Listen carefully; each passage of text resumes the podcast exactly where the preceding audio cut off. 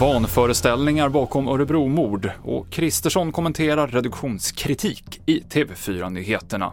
En 26-årig man åtalades idag för mord och mordförsök efter att han knivdödade en kvinna och skadade hennes dotter allvarligt i Örebro tidigare i år.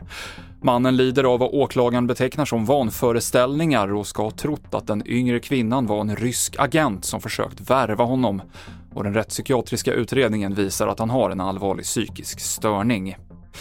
Drivmedelsbolagen tror inte på Tidöpartiernas beräkningar av hur mycket billigare dieseln blir med sänkt reduktionsplikt. Enligt regeringen så skulle en sänkning till 6 ge en minskning av dieselpriset med 5,50 men Preem säger till Svenska Dagbladet att ingen i branschen tror att det kommer bli i närheten av den siffran. Så här säger statsministern om vad man kan förvänta sig i form av prissänkningar. Ja, jag tror att alla förstår att det helt exakt kan det inte vara för priset går upp och ner. Så att, men om man går från Europas högsta inblandningskrav till EUs miniminivå, det är klart att det får stor betydelse eftersom biobränslet är betydligt dyrare. Det är det som har drivit upp priserna. Så, att det, så att det, var för att visa en ungefärlig siffra på vad det, vad det kan få för konsekvenser. Sa Ulf Kristersson. En man hittades död i Tanums kommun i helgen efter att han tidigare på dagen blivit biten av en orm. Det utreds om bettet orsakade dödsfallet. Och nu när vårvärmen kommer så slingrar sig huggormarna i Sverige fram ur idet.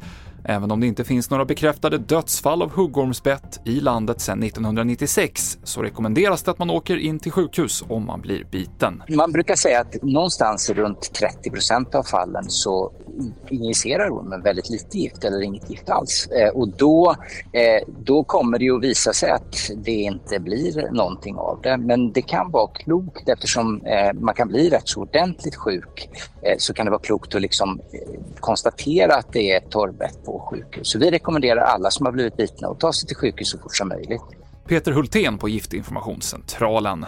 Och till sist om snask som kan vara riktigt dåligt för tänderna, för Haribo återkallar godis efter att små metallpartiklar hittats i produkterna, skriver danska Extrabladet.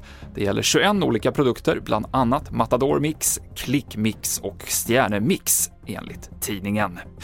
Det avslutar TV4-nyheterna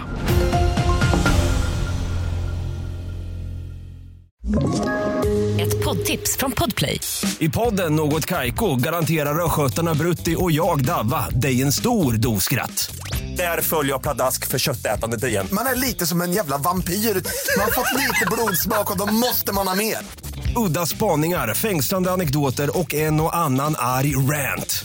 Jag måste ha mitt kaffe på morgonen för annars är jag ingen trevlig människa. Då är du ingen trevlig människa, punkt. Något Kaiko, hör du på Podplay. Därför arkadeinerna.